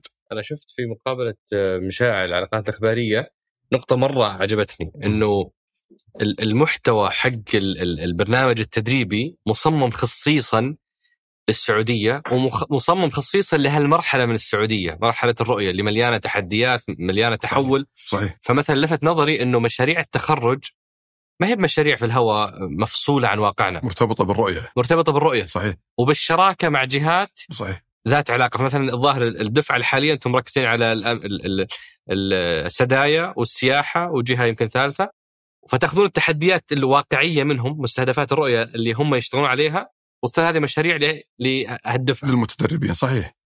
آه، يعني حتى من ضمن المعايير لاختيار الأشخاص ألمامهم بالرؤية. يعني ما راح يختا- يختارون أي أحد إلا هو عنده فعلا ألمام ببرامج الرؤية اللي قدم والله يا أبو فهد؟ لا أنت الله يسلمك. إذا قدمت بتغطي على كلهم. يعني أنا صراحة من المحتوى العظيم اللي أنت قاعد تقدمه في. السناب شات. أنا صدق أنا ما عمري شفت أحد ما شاء الله متبحر في الرؤية بكل أمانة والله. هذه توسط لي طيب إذا أنا ما أقدر أتوسط احد أنا البرنامج هذا يعني الجميع أنا عارف انك والله. ما أنت يعني ما هذا آخر شيء ممكن عيوني تسويه. ذكرك البرنامج هذا ما أقدر أسوي فيه ولا شيء. يعني في عندنا توجيه واضح وصريح. أن لا يستثنى أي شخص إلا الشخص اللي فعلا تنطبق عليه المواصفات والمعايير يعني, يعني. تقدر بس بس يصير في استثناءات. ابدا. والله العظيم ما في استثناء ولا واحد. ولا شخص. ما عمرك استثنيت. ولا شخص. يعني الفرصة الوحيدة اللي أعطيتها لشخص إنه يعيد بكل أمانة إنه يعيد اختبار القبول فقط. عشان المرحلة الأولى. بس ما في مثلا مقاعد أنتم لافزينها على جنب هذه لكم. ابدا. لا والله ابدا. ابدا. عزيزين عليكم. ابدا. ما مرة. ابدا. مستحيل لأن تدري وش المشكلة أبو فهد؟ أحيانا يقال مثلا إنه برامج ومبادرات مسك عظيمة جدا وخرافية لكنها لشريحة معينة بس إنها لشريحة أذكى أذكى ولا أفضل الناس مو أذكى عفوا م. بس أفضل الناس في سيرتهم الذاتية وفي مهاراتهم وامكانياتهم اللي أصلا ما يحتاجون البرامج، طيب وين الأقل حظا اللي ما بنوا هذه هذه هذه المهارات؟ لا عندنا برامج مختلفة كثير عندنا برامج للناس هذه والشريحه هذه وعندنا برامج للشرائح الثانية أوكي. في تنوع في البرامج لتنوع الشرائح اللي موجودة في المجتمع. بالعكس إحنا لما نمكن الشباب ما نختار الشباب نمكن نمكن الشباب بشكل عام. لكن أكيد الشريحة اللي, هي بالمستوى هذا تحتاج إلى دورات مختلفة عن الشريحة اللي بالمستوى اللي أقل أو بالمستوى اللي أعلى. في عندنا برامج مختلفة لجميع الشرائح اللي موجودة في المجتمع. يجي سؤال مهم أبو فهد. طيب هالمبالغ ذي هالمشاريع دي كلها يبي لها دراهم. من وين تمولون نفسكم؟ سمو الأمير الله يحفظه هو الممول الوحيد للمؤسسة. سمو الأمير من يوم منشات المؤسسة إلى اليوم دفع عليها 4 مليار و400 مليون ريال. هذه صرفت بالفعل هذه صرفت من سمو الأمير. ولا في أي صرف من من أي جهة ثانية. السنة الأخيرة فقط ميزانيتها عبارة عن مليار ونص. تنفيذ المشاريع آه، المدينة اللي موجودة الآن آه، حجم الإنفاق عالي جدا ولكن سمو الأمير مؤمن جدا انه المبالغ اللي تدفع هذه مردودها المجتمع يستحق أن يتم دفعه. و... ولو بنتكلم على موضوع الستركشر اليوم حق مسك وش الجهات اللي تحت مسك؟ الآن الجهات اللي موجودة طبعا إحنا قاعدين في طور ان تكون أكثر من الجهات اللي موجودة لكن الموجودة الآن خمس جهات رئيسية عندنا شركة مانجا هي أول ما جهة تقريبا تم انشائها أنشأت من بداية مسك من عام 2011 في شركة طبعا إنتاج محتوى آه، يمكن السنتين الأخيرة بدأت شركة مانجا يعني تظهر بالصورة بشكل كبير لأن صار فيه عمل واضح آه، نتج عن عن الشركة هذه. يعني آه، الجميع يشوف مثلا فيلم الرحلة آه، مسلسل أساطير من آه، من زمان آه، قبل الزمان عام 2020 آه، البرامج اللي تمت في العلا أشياء كثيرة. هذا هذا على مستوى انتاجها ولكن هي لما أنتجت أو لما أسست الشركة ما اسست انها فقط تنتج محتوى. هي تنتج محتوى وراح تساعد وتكون داعم للشباب اللي في هالمجال هذا. فهي عقدت إلى الآن آه، مانجا أكثر من 30 برنامج تدريبي استفادوا منها 650 ألف شخص. 650 ألف. 650 ألف شخص. واو. هذولي استفادوا في موضوع هذول استفادوا من البرامج مجال التحريك والرسم وال في البرامج اللي اللي اللي, يعني تحت عنوان إنتاج أو آه، المحتوى. عظيم. هذه مانجا الثانية؟ الثانية عندنا طبعا مدارس مسك. مدارس مسك آه، هي مدارس فريدة من نوعها، مدارس مسك يعني تستحضرني قصة آه، أذكر عام 2011 2010 يمكن حتى. كنا في نقاش مع سمو الامير محمد عن أفضل nursing school آه، اللي حضانة. لحضانه مم. آه، حتى سمو الامير محمد كان يبحث عن عن مدارس لل- للأمير سلمان ابن سمو الأمير. وأنا وفي أحد الزملاء الثانيين نتكلم عن نفس النقاش. ف نقاش شخصي يعني ما هو شخصي نقاش عمل إيه؟ أي عمل ما هو ما في أي شيء في العمل. نقول وين نحط عيالنا يعني؟ اي نبغى nursing school كويس نحط فيها عيالنا. بعد ثلاث أيام أنا تفاجأت برسالة من سمو الأمير. باسم مدرسة. فأنا نسيت الموضوع صراحة يعني من ثلاث أيام كان موضوع. فسألت سمو الأمير وش المقصود بالرسالة يعني فقال لي هذا اللي أنت سألت عنها قبل ثلاث أيام. كانت لفتة صراحة ما أنساها من سمو الأمير. آه فهو مرسل لك يرشح لك المدرسة. مرسل لي يرشح لي المدرسة هذه آه، طرحنا الموضوع وكلنا ما كنا عارفين. فلقى مدرسة كويسة أرسل لي اسمها قال لي ترى هذه مدرسة كويسة. يعني آه، اهتمامه وتفكيره بالناس اللي يشتغلون معه من هذاك الوقت وحنا نلمسه صراحة. نرجع مرة ثانية للمدارس، مدارس مسك آه، فكرة انشاء طبعا في البداية إنه يكون فيه مدرسة. فهو الهاجس عنده يعني من ذاك الوقت. من 2011 وهو يحس بإنه في حاجة. إنه في التعليم نحتاج إنه يكون في عندنا في فعلا آه، خلينا نسميها تحديات كبيرة في مجال التعليم. فكان هو هاجس كبير التعليم. يقول أنا مدارس مسك لازم تكون مدرسة مميزة جودتها عالية مخرجاتها عالية ما تكون زي أي مدرسة ثانية. وبالفعل آه، العمل الحوكمي لسمو الأمير أسس مجلس إدارة للمدرسة وضع استراتيجية واضحة جاب إدارة نفس الشيء قوية بدأ العمل على تنفيذ هالاستراتيجية هذه. المدرسة اليوم من 2016 هي تشتغل راح تنتقل إن شاء الله للمدينة في شهر تسعة العام الحالي. فهي أول فهي أول مبنى راح يكون جاهز في المدينة وأول مكان يعني يصير جاهز في, في, في هالمدينة هذه. آه، المدرسة طبعا فيها مميزات كثيرة. أهم ميزة فيها انها تستخدم المنهج البريطاني. طبعا مضاف له بعض المواد اللغة العربية ومواد الدين ولكن طريقة تدريسه مختلفة. آه، تكلفة تدريسه مختلفة. تكلفة رسوم رسومكم مختلفة. التكلفة العالية اللي تكلم عنها الله يسلمك أنت ما تشكل ولا 20% من التكلفة الفعلية للمدارس. معقولة؟ أقسم بالله العظيم أنها ما تزيد عن 20% من تكلفة المدارس. 80% من تكلفة المدارس يغطيها سمو الأمير. اليوم أنتم طبعا بالرغم من أعلى مدرسة ك كرسوم. رسوم. اي لكن ومع ذلك ما تغطي 20% اي لأن تكلفة تدريس المنهج البريطاني جدا عالية، كفاءات اللي تدرس المنهج هذا جدا محدودة. وعدد الطلاب أصلا قليل. عدد الطلاب جدا قليل، إحنا الوحيدين في المملكة الآن اللي نستخدم الذكاء الاصطناعي لتطوير وتقييم التعليم في المدرسة، فهو تقييم وتطوير آلي قاعد يصير لأي شيء سواء للمناهج سواء لطريقة التدريس للمدرسين للطلاب. أي شيء قاعد يصير في المدرسة هو قاعد يصير تحت الذكاء الاصطناعي. عندنا يعني في المدرسة الأنشطة اللاصفية ما هي موجودة في أي مدرسة ثانية. يعني أكاد أجزم أنه ما هو موجود في أي مكان ثاني. الطالب اللي يجي مدارس مسك ما يجي يتعلم فقط يجي يطلع من المدرسة هو يعني طالع ثقافات وطالع بفكر وطالع بأنشطة وطالع بأشياء صارت ما هي فقط على مستوى التعليم.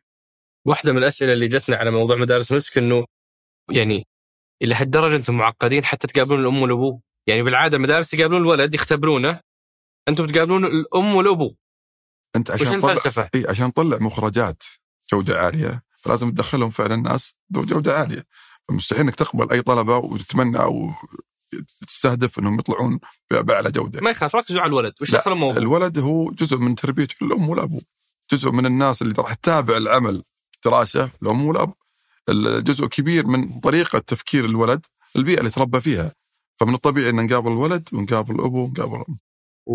وهل موضوع الرسوم حتى لو منفصلين حتى لو منفصلين عانينا كثير من بعض العوائل الوالد والوالده منفصلين فيصير ما في تواصل بينهم فكنا مصرين إن لازم نتواصل مع الأب نقابله ونتواصل مع الأم ونقابلها. هذا أول اختبار انكم هل بتساعدون الولد بكرة تتابعونه ولا لا؟ إذا أنتم ما جيتوا حتى المقابلة طبعا وأنتم منفصلين شلون بتكرم تتابعونه دراسيا؟ بالضبط جميل والله م- بس هذا برضو ولد سؤال ثاني هل هذه الرسوم المرتفعة خلقت مثلا شريحة معينة بس اللي قاعدة تصير المدرسة هذه؟ هل هذه لها آثار جانبية؟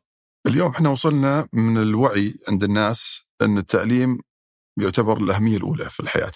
يعني أكيد إنه أكثر الناس الآن لو تقول وش أكثر شيء ممكن تستثمر فيه في عيالك هو التعليم. فموضوع إني أنا أدفع مئة ألف أو أدفع الرسوم اللي موجودة للطلبه اللي موجودين في مدارس مسك حتى لو كانت عالية وحتى لو كانوا ذوي الدخل مثلا متوسط بالنسبة لهم تشكل عائق إلا إنه ما عنده مانع إنه يدفع المبلغ هذا مقابل إنه فعلا يضمن مخرجات تعليم عظيمة لعياله، فبالتالي الهدف من كلامي إنه في شريحة متوسطة موجودة، الشرائح اللي موجودة في المدارس ما هي شريحة مخملية. في شرائح كذا وفي شرائح متوسطة، وفي بالإضافة إلى شرائح موجودة من مركز موهبة. من موهبة. مبتعثين يس منح. يس منح. مجانية. مجانية لكن طبعا within ال criteria حقت المدارس. لن يقبل أي طالب إلا إذا مر على المعايير حقت الطالب اللي يتم قبوله. جميل. ومسك حتكون هي أول أول منشأة تكتمل في مدينة في مسك. مدينة مسك صحيح. أتذكر أمس وأنا عندك كنت تقول إنه مدارس مسك حتكون من أفضل مدارس في السعودية. ثم قلت أوه لا بيزعل أمير. أفضل مدرسة على مستوى العالم من ضمن أفضل مدارس على مستوى العالم. مدارس على مستوى هل هذا فعلا هدفكم؟ هذا الهدف إنه تكون من أفضل عشر مدارس على مستوى العالم. على مستوى العالم. صحيح. ومدارس الرياض مبدئيا راح تكون من أفضل 100 مدرسة بعدين راح ترجع. الهدف ثاني إنها تكون من أفضل عشر مدارس. التعليم جادين في هذا الهدف. طبعا التعليم من سمو الأمير محمد هاجس كبير ما تتخيله. مؤمن تماما إن التعليم هو اللي راح يساعدني في إني فعلا أحصل على مخرجات شابة عندها القدرة إنها تساعد في تحقيق رؤيه البلد. هذه أبو فهد هي المنشأة الث- الثانية اللي هي مدارس مسك. الآن المنشأة الثالثة المتحف العلمي. وش فكرة المتحف العلمي؟ فكرة المتحف إنه يكون متحف تفاعلي يكون منصة للابتكار آه، منصة للأطفال يجون يمارسون فيه ال- ال- ال- التجارب التفاعليه آه، طبعا عشان يستهدف في النهاية لخروج مبتكرين وناس عندهم يعني خلينا نسميه آه، علماء ما ما, ما لها تسمية ثانية. فالهدف الهدف النهائي إن فعلا ننشئ أو نبني علماء مبتكرين من خلال منصة تحتضنهم يمارسون فيها تجارب بشكل فعلي. آه راح يكون طبعا شيء مميز ما هو شيء موجود على مستوى هذا حيكون في المدينة في مدينة في مسك مدينة مسك. أنا أتذكر صحيح. آه، قضينا إجازة أنا وعائلتي في بوسطن ونسوي جدول. فكل مرة نروح مثلا مكان الملاهي المدري إيش. المفاجأة إنه أكثر مكان عادوه هو المتحف العلمي حق بوسطن. لأنه آه، التجربة ما كانت إنك تلف وتشوف تقرأ معلومات على الجدران. صحيح. كانوا هم بنفسهم يختبرون موضوع الجاذبية صحيح. بأنه هو يضغط صحيح. الصاروخ فال- فال- فالهواء يطير الكورة ثم ترجع تطيح الكورة. هنا مفاهيم الفيزياء قاعدة تترسخ. صحيح. نفس الشيء في مثلا ال- ال- ال- الكيمياء وتفاعل المواد. كانت بالنسبة لهم آه، آه، ممتعة لدرجة إنه هو الشيء الوحيد اللي عادوه. ما عادوا الملاهي ما عادوا مثلا راحت مكان معين مع إنها ممتعة بس هذه كانت جدا ممتعة ووصلت المفاهيم المع- المعلومات وهذا الشيء صراحة نفتقده هنا. ما عندنا مثل هذا النوع من الخيارات. هذا اللي بيكون إن شاء الله موجود في المتحف. الهدف إنه يكون في تجارب تفاعلية. يجرب الطفل يمارس يشوف. حتى على مستوى التعليم في المتحف راح يكون في فيديو جرافيك راح يكون في وسائل مختلفة في التعليم. ما هي الوسائل ومتى. المفروض هذا يفتح؟ إن شاء الله في أقرب وقت يعني أنا نتكلم عن نهاية السنة هذه إن شاء الله كانت السنة هذه؟ راح يكون جاهز إنه يفتح لكن أنا أول مرة أسمع عنه صراحة. إيه. في شغل في في في إدارة في فريق إيه، اليوم. في عام 2024 هو الافتتاح الرسمي له لكن نهاية العمل في المتحف راح تكون إن شاء الله على نهاية السنة هذا. في فريق اليوم شغال. عليه؟ طبعا. في CEO؟ في CEO في مجلس إدارة. للشركة هذه. لش- للمتحف ما ال- أقدر اسميه شركه آه لهالكيان. لهالكيان. لهالكيان. صحيح. آه الكيان اللي بعده هو مسك الفنون. مسك آرت. وش وش أهم الأرقام؟ أو عطنا نبذة عن هال- هالكيان. وش أهم أرقامه؟ مسك آرت هو طبعا آه، تم انشاؤه من إيمان سمو الأمير بأهمية الثقافة والفنون في ترسيخ هوية ال- البلد. ففي عام 2011 تم إنشاء ال- ال- المعهد وكان هو حاضنة للفنانين والمثقفين في ذاك الوقت. يمكن كان هو الح- ال- ال- الحاضنه الوحيده في هذاك الوقت. 100% فأنت قاعد تتكلم عن عن آه، مكان احتضن. ناس ما حد احتضنهم قبل كذا. سخر لهم إمكانيات سوى لهم معارض سوى لهم آه، ورش عمل دورات تدريبية آه، استفادوا منه ناس كثير. الآن إحنا صار في بيننا وبين وزارة الثقافة عمل تكاملي لأن وزارة الثقافة صارت تقوم بالدور هذا. فإحنا وياهم قاعدين نقوم بهالعمل التكاملي. إنجازات المعهد كثيرة. على سبيل المثال يعني للحصر إحنا متفقين على إنجاز لازم تقوله. أنا بقول لك يا أول واحد عشان أرتاح. بما إنك يعني مؤلف فلازم نقول أيوه أيوه لأنك أنت ما كنت تبي تقوله. اي لا والله بي- كنت أفكر. يعني آه، طب بقول لك يا أشكرك أشكرك. لو ما قلت ترى حارجع أعيده. يعني والله عشان كذا بقول أول واحد لا عشان تمسك مني. طبعا انا ساعدنا في آه، تأليف 33 كتاب. من خلال 33 مؤلف.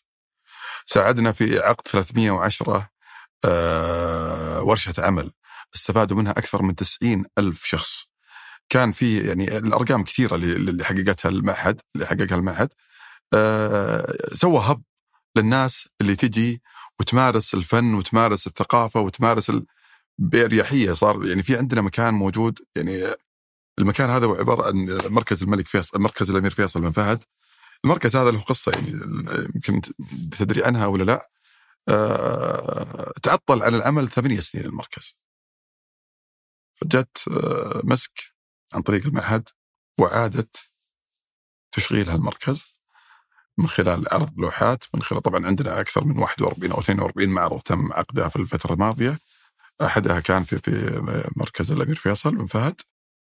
آه، استفدنا من المكان العظيم هذا غير كمعرض استفدنا منه إنه يكون زي مكان ورشة عمل يجي المبدع أو المثقف أو الفنان يعطى مكان شهرين يبدع نمكنه بالإحتياجات اللي اللي يحتاجها سبورت من من الأشخاص اللي موجودين المسؤولين عن المكان.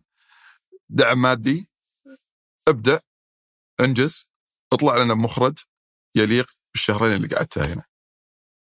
أنا أتذكر أبو فهد من أكثر اللحظات اللي عالقه في ذهني على موضوع مسكارت وأنا ماني بقريب من الفنون صراحة بس أحد رس أحد الفنانين التشكيليين قابلته في فعالية مسك آرت اللي كانت في درة الرياض أتذكر تدري يقول لي؟ يقول أول مرة في حياتي واحد يوقفني ويصور معي. إحنا كنا منبوذين، يعني إحنا بيننا وبين الشباب فجوة، إحنا في عالمنا الخاص المهمشين اللي ما حد ما حد داري عنه واحد بيعطينا وجه. لما اعطينا هذا الضوء نحطينا على رأس المسرح خصصت لنا ورش نعلم وندرب الناس جتنا قيمة لدرجة إنه صار واحد يوقفني ويقول ممكن اصور معك. ما هي بالقصة في الصورة بقدر ما هي رمزية إنه إحنا طلعنا من الظل إلى الضوء صحيح وهذا كان قبل وجود وزارة الثقافة قبل وجود الهيئات الثقافية مسك آرت يعني كانت صراحة مسوية شغل ما هو بسيط في تمكين المثقفين الشباب صحيح. وأيضا في ربط الجمهور الشاب بالمثقفين الكبار اللي كانوا محتاجين يشوفون قدوات محتاجين يسمعون من ناس على المنصه حتى يشعرون بال... صحيح. بالإلهام والجهد العظيم اللي تم هذا يعني عشان نعطي كل واحد حقه ما راح يكون هالنتائج هذه ما راح تكون النتائج هذه لولا الأمير بدر بن عبد الله الفرحان اللي رأس مجلس إدارة المعهد من أول تأسيسه. الأمير بدر طبعا هو رجل متيم بالفن رجل مثقف ثقافة عظيمة من أجمل وأعظم الشخصيات اللي ممكن تشوفها الأمير بدر بكل أمانة. فهو اللي رأس المجلس هذا هو اللي ساعد على الإبداع اللي صار في هالمعهد طول السنوات هذه واستحق الآن انه يكون هو وزير الثقافة من هالمسار اللي مشى فيه. فهو الآن قاعد يوازن بين هالمعهد وبين وزارة الثقافة فقاعدين نشوف الحمد لله مخرجات عظيمة من الاثنين. آه المشروع الخامس أو أو الكيان الخامس وهو يمكن الأكثر إثارة مؤخرا موضوع مدينة مسك. وش قصة مدينة مسك؟ أول مدينة غير ربحية في العالم. مدينة مسك هي أول شيء طبعا مدينة آه، مقامة على أرض يملكها سمو الأمير محمد مساحتها 3 مليون و400 ألف متر مربع. فهي ليست من ضمن الدرعية ما هي من ضمن أي شيء. هي أملك كان في فهم خاطئ عند عند البعض أنها جزء من بوابة الدرعية وبعدين فصلت. أبدا, أبدا. ما لها أي علاقة بأي شيء. هي أرض مملوكة لسمو الأمير من وقت تأسيسها. ترى المدينة بدأت من عام 2011 في البداية بعدين توقفت بعدين رجعت مرة ثانية. والآن هي بدأ العمل فيها بشكل رسمي تقريبا من أكثر من سنتين. آه، مملوكها الأرض بالكامل سمو الأمير محمد مساحتها 3 مليون و400 ألف متر. آه، راح تكون أول مدينة غير ربحية. لما تقول أول مدينة غير ربحية معناها أن العائد حقها من العائد من الاستثمار اللي موجود فيها راح يعود عليها هي ينصب مرة ثانية أنه ينصرف عليها. آه، وإذا ما انصرف عليها ينصرف على المؤسسة اللي هي مؤسسة مسك اللي هي أصلا المؤسسة اللي المدينة تعتبر جزء منها. المدينة هذه الله يسلمك أول ما فكر فيها سمو الأمير فكر إنها تكون حاضنة للمؤسسة. والجهات التابعة لها، بحيث إنه يكون في تكامل بين الجهات هذه تعمل في مكان واحد. فطلاب مدارس مسك يروحون للمتحف العلمي ويروحون بالضبط. ففي تكامل يصير موجود في مكان واحد. وبعدين تطورت الفكرة إنه يكون فيها مرافق، طورت إنه يكون فيها خدمات، طورت إنه يكون فيها منظمات ربحية غير ربحية ثانية، طورت إنه يكون فيها حتى أماكن سكنية، مكاتب أه تؤجر أه مساحات الخضراء اللي فيها.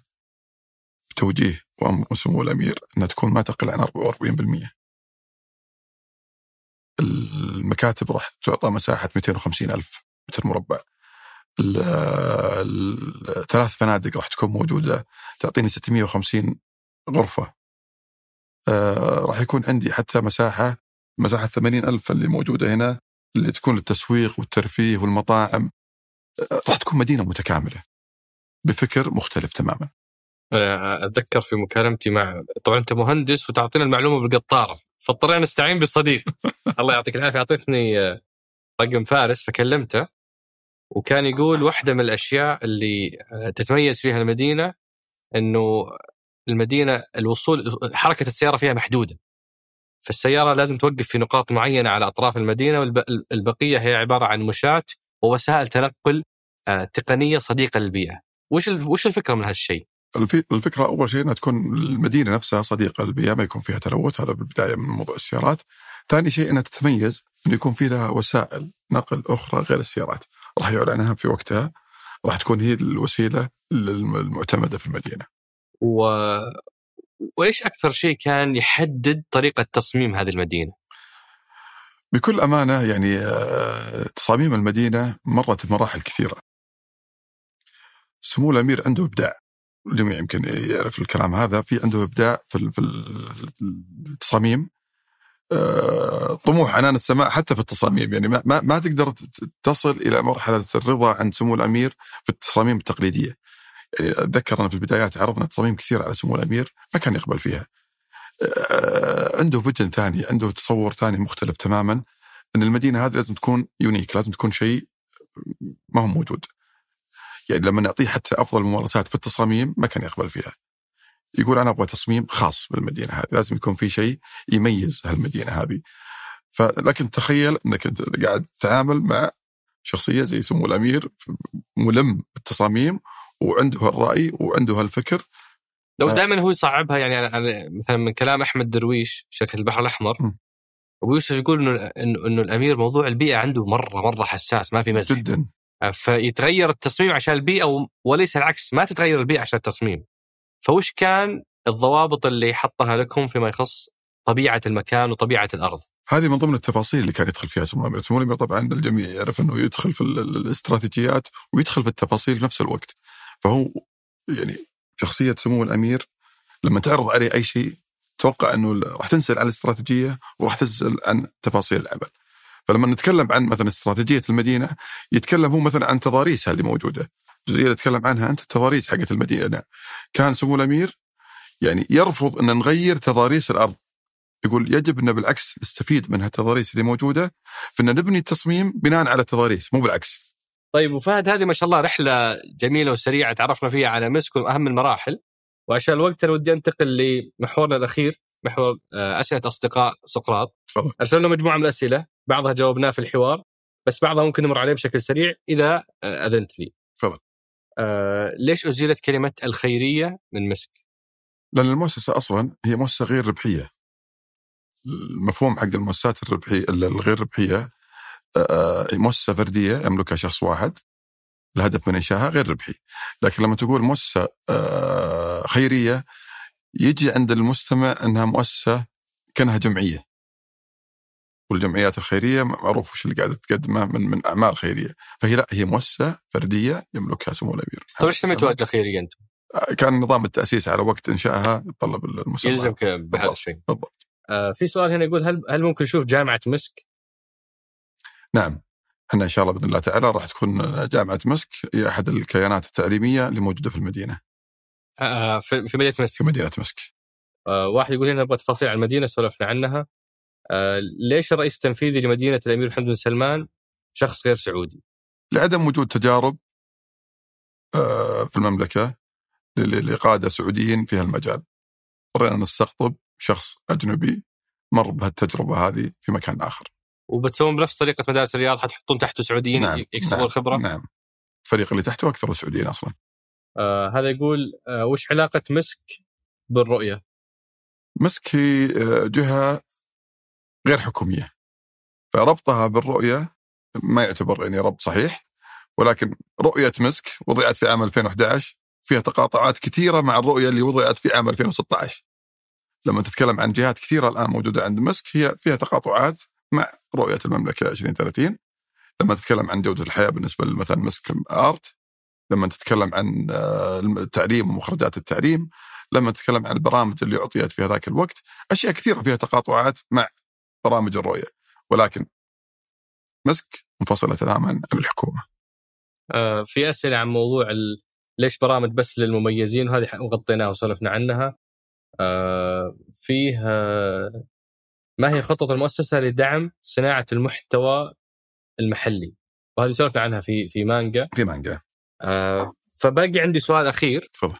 آه ممكن أختم فيه هالحلقة بحكم ما شاء الله تجربتك الآن أكثر من 10 سنوات 11 سنة 12 سنة مع مع مع الأمير وعملت معاه في أكثر من 22 الآن المجلس ولجنة و والتزامات كثيرة فيها تقاطعات مع الأمير. عندي فضول أعرف وش سماته القيادية اللي لاحظتها من خلال هذه هذه الأعمال المختلفة وهالمدة الزمنية اللي قضيتها مع الأمير. بكل أمانة يعني بدون أي مجاملة وبدون أي تملق يعني حصر المميزات اللي موجوده عند سمو الأمير لا يمكن الواحد يحصرها لأن أشياء كثيرة. وكل يوم الواحد أحيانا يشوف أشياء ثانية. قائد ملهم فعلا آه، كلمة ملهم أنا ما تعلمتها ولا عرفت معناها إلا لما عملت مع سمو الأمير محمد. آه، قائد ذكي جدا ذاكرة قوية جدا آه، رؤية واضحة تماما. عملنا معه بشكل يعني في مجالات مختلفة. أشياء يعني في رؤية واضحة في أي عمل في تصور واضح للوضع الحالي في تصور واضح للمستقبل آه عمل حوكمي سمو الأمير يعني مؤمن بالحوكمة بشكل آه لا يمكن تتصوره. ما في عمل يعمل فيه سمو الأمير إلا الحوكمة هي أساس العمل. وبعدين أنا مع الوقت تعلمت واكتسبت الخبرة هذه انه هو أساس نجاح أي عمل الحوكمه الحوكمه الصحيحة هي فعلا أساس العمل الناجح. لما الاطار الحوكمة يكون واضح يكون عندي مجلس إدارة واضح يكون في لائحة صلاحيات إدارية ومالية واضحة يكون في عندي هيكل تنظيمي واضح يكون عندي إجراءات وسياسات واضحة يكون في عندي مراجعة داخلية واضحة يكون في عندي جميع الأنشطة اللي موجودة في هالعمل هذه واضحة أكيد المخرجات راح تكون صحيحة. كل هذا الكلام أبو فهد أنا مصدق فيه بس معلش كلام نظري. أبي مواقف أبي أبي قصص أبي أحداث عشان أقدر أفهم لما تقول لي انه عنده رؤية واضحة وش تقصد؟ الرؤيه حب أنا خلينا نمسكها واحدة واحدة أنت قلت رؤية واضحة الرؤية أعطني مثال. إي مثال واضح مسك. يعني رؤية مسك أقول لك أربع أيام إحنا نسمع الرؤية اللي موجودة عند سمو الأمير في, في خارج المملكة مع المكاتب الاستشاريه اليوم الخامس ما عرفنا نقول هالرؤية. فتخيل حجم الرؤية اللي أربع أو خمس أشخاص ما كانوا عندهم القدرة إنهم يعيدون نفس الكلام اللي يسمعونه أربع أيام. من من من عمقها ومن تفاصيلها ومن الفكر اللي موجود. والحمد لله شوف مسك الآن وين وصلت؟ بسبب تحقيق هالرؤية هذه. رؤية المملكة نفس الكلام. بالنسبة لرؤية المملكة لما سألتني سؤال إيش دخل علاقة رؤية إيش دخل عفوا مسك مع مع رؤية المملكة؟ اللي وضع رؤية مسك هو نفس اللي وضع رؤية المملكة. فانت تخيل سمو الأمير واضع الرؤيه اللي مسك من عام 2011 شوف اللي تحقق منها شوف الصورة اللي صارت الآن. والآن رؤية المملكه اللي وضعت عام 2016 وش اللي تحقق منها؟ وين وصل في clear vision واضح. هذه على رؤية واضحة. قلت لي بعدين الحوكمه وهذه أكثر كلمة أسمعها من كل مسؤولين حكوميين لو تعطيني مثال يخلينا نفهم وش تقصد بالحوكمة وكيف الأمير يدعم موضوع الحوكمة. أي مجلس اداره يرأس سمو الأمير أنت تشوف الحوكمة بشكل واضح فيه. من خلال أول شيء اختيار الكفاءات في التشكيل. الكفاءات هذه ما هي بس أسماء الكفاءات هذه تغطي مناطق معينة احتياجات في المكان. فكان يسأل سمو الأمير وش الاحتياجات اللي نحتاجها في في هالكيان؟ ومن خلال هالإحتياجات نشوف الكفاءات اللي تغطي هالإحتياجات. فاختيار الأشخاص هذا بداية الإجراءات والسياسات في ثاني الإجراء الصلاحيات الإدارية والمالية. هذا الكلام أنت تشوفه في أي عمل مع سمو الأمير. يعني المثال بعطيك أول مثال اللي هو مدارس الرياض. وكيف النجاح اللي تم؟ بسبه الحوكمة. حوكمة صحيحة تمت اختيار مجلس إدارة قوي كان قادر فعلا على على إدارة المكان اختيار إدارة تنفيذية قوية وضع اطر للحوكمة ساعدت الإدارة هذه في تحقيق النجاح. أنت أعطيتني قصة ثانية على موضوع الحوكمة فيها يعني اخت... يعني حتى تأكيد للحوكمة حتى لو كانت ضد توجيه الأمير الشخصي. وذكرت لي عن مثلا مجلس إنه كان بيتشكل بطريقة ثم لو تعطينا القصة دي وش؟ في قصص كثير يعني واحدة منهم آه جاني أنا مرة توجيه من أحد الأشخاص اللي يرأسون عندنا أحد الجهات التابعة المسك قال لي إني أنا رجعت لسمو الأمير وطلبت منه إنه يتشكل المجلس بالأسماء الفلانية وبالطريقة الفلانية. طبعا وقال لي إنه سمو الأمير يوجه فيها. فأنا طبعا بحكم الحوكمة لا يمكن إني أسوي الموضوع هذا بشكل مباشر فرجعت لسمو الأمير قلت له ترى الموضوع هذا غير يعني ما هو ما هو حسب الإجراء المتبع عندنا تشكيل مجلس إدارات الجهات التابعة يكون مجلس إدارة المؤسسة نفسها وليس من سمو الأمير بصفة شخصية. فرجعت لسمو الأمير وقلت له ترى كذا كذا قال ارجع للمجلس. قلت طال عمرك في في المجلس نقطة انه احد الأسماء المطروحة فيها فيها الأسماء فيها المجلس اللي ما يطابق معاييركم. مو ما يطابق المعايير. مخالف لقرار لمجلس الإدارة إنه ما يكون هو نائب الرئيس. يجب أن يكون نائب الرئيس شخص ثاني بحكم قرار مجلس الاداره اللي طلع قبل ثلاث اجتماعات فيجب أن نتبع نفس القرار. رد علي رد واضح الأمير قال ارجع للقرار. مع أنه هو معطي الموافقة. مع انه معطي موافقة وتوجيه شفوي لل- لل- لل- للشخص شفهي فهذا تاكيد على أنه الحوكمة هذا أحد أمثلة مقدمة. كثير إن. الحوكمة بالنسبة لسمو الأمير شيء أساسي. أنت دائما تقول إنه في مستهدفات في مستهدفات مستهدفات. هل تذكر مثال على موضوع المستهدفات إنه دائما يركز عليها؟ أي عمل مع سمو الأمير يجب انه يكون فيه مستهدفات؟ ويجب انه يكون فيه KPIs لمتابعة المستهدفات ولازم يكون في طريقة للمتابعة مع سمو الأمير. أنا بستحضر عملي في السفارة في المالديف. أنت كنت وقتها أصغر سفير ها؟ أنا كنت أصغر سفير عام 2015 وظيفة أصغر الأحلام. لكل الناس إنه يصير سفير في المالديف والله, يداوم في الجزر والله أنا بالنسبة لي يعني كانت آه، صعبة ما كانت سهلة لأني أنا أول شيء ما- ماني من الناس اللي يحب البحر كثير. يعني آه، المعيشة في جزيرة ما هي ترى شيء كويس. الجزيرة حلوة ثلاث أربع أيام بس ما هي ثلاث سنوات وثلاث شهور ابدا. آه، البنية التحتية في المالديف هي عبارة عن منتجعات لكن تعال على مستوى المعيشة لا كان في مدارس لا كان في مستشفيات لا كان في أشياء كثيرة ما كانت موجودة مقومات ما الحياة بالجمال اللي أنا متخيلها ها؟ لا ابدا يعني ما قدم السي في حقي أبداً. سفير المالديف ابدا ما أنصحك ابدا أسرتي كانت في المملكة وكنت أنا أجي وأروح أشوفهم ويجوني الحياة كانت صعبة ما كانت سهلة ابدا آه، بالرغم من جمال المالديف لكن أرجع مرة ثانية جمال المالديف فترة قصيرة. ثلاث أربع أيام خمس أيام بالكثير أكثر من كذا الحياة متعبة جدا فيها. فنرجع للمستهدفات اللي وضعت لي في أثناء عملي في المالديف وضع لي سمو الأمير 22 مستهدف. 22 22 مستهدف واضحة. وكان لها KPIs كنت كل شهر أرسل لسمو الأمير تقرير عن إيش وصلت له في المستهدفات. واحيانا خلال الشهر يكون في مثلا update معين لشيء معين يتطلب variation مثلا صار يتطلب قرار فكنت أرسل سمو الأمير يرسل لي مباشرة التعديل أو ال- ال- ال- التغيير اللي ممكن يصير في المستهدف أو إذا كان لا قدر الله ممكن يلغى المستهدف هذا أو يستبدل مستهدف آخر. كان متابع جدا بالنسبة لي أنا كان إدارة مشاريع اللي هو جزء من تخصصي كنت مستمتع جدا بالعمل في المالديف كعمل لكن كمكان ما كان ممتع ابدا. وذكرت أنت موضوع إنه دراسة الوضع الحالي وتحديد الطموح وش في مثال عليها؟ دراسة الوضع الحالي أنت ذكرت إنه دائما يبدأ بإنه يحلل الوضع وبعدين يرسم وين نبي نكون؟ وين نبي نوصل؟ هذه طبيعة عمل سمو الأمير إنه دائما يعني مدارس الرياض هي أقرب مثال إي صحيح أول ما جينا المدارس شاف وش الوضع الحالي للمدارس بالرغم من معرفته بالتحديات اللي موجودة إلا إنه طلب أول شيء دراسة الوضع الحالي عرفنا وش المشاكل سوينا ال gap analysis شفنا ال best practices شفنا مين أفضل الممارسات في في قصة تحول ناجح في التعليم طبقناها في المدارس والحمد لله نجحت. آخر واحدة موضوع الذاكرة القوية. موضوع الذاكرة عند سمو الأمير ما شاء الله إيه، تبارك عدلت الله الجلسه اي ما شاء الله تبارك الله يعني فعلا آه، بالرغم من المشاغل والتحديات اللي موجودة عند سمو الأمير إلا أن الذاكرة ما شاء الله تبارك الله يعني في كل موقف ننبهر أكثر. أنا بعطيك مثال. موقف مثال أثناء العرض على سموه في عام 2018 لبعض المستهدفات اللي موجودة في مسك فكنا مع الفريق نشوف تفاجأنا إنه قال أنا في أحد المستهدفات أنا طالب عام 2011 إنه يكون لها قياس للأثر هالكلام متى؟ هذا الكلام في عام 2018 يعني مر أكثر من ست سنوات سبع سنوات تقريبا يقول أنا طالب في المستهدف هذا إنه يكون في قياس الأثر، وين قياس الأثر؟ ما أشوفه موجود عندكم في العرض.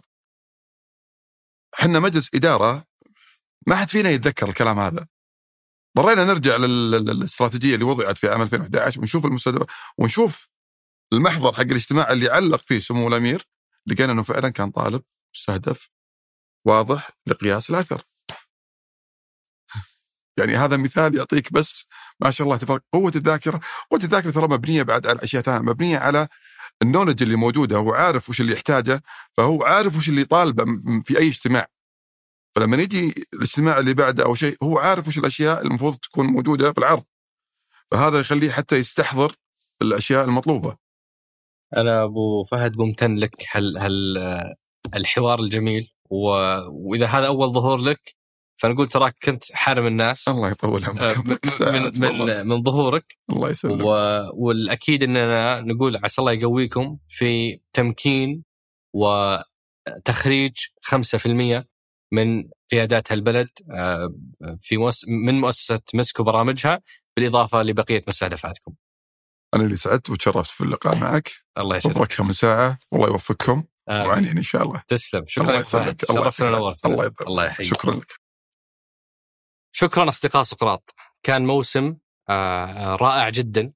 الحلقة هذه هي ختام هذا الموسم. حنأخذ استراحة في رمضان والصيف بعدين نرجع لكم إن شاء الله تعالى. ممتن جدا لكل الأصدقاء. يعني كل مرة أرجع أتذكر إنه أغلب ضيوف سقراط كانوا بمبادرة وبدعم من الأصدقاء اللي يتابعون ويدعمون سقراط بترشيحهم للضيوف بتسهيل وصولنا للضيوف ففعلا أنا ممتن لكم.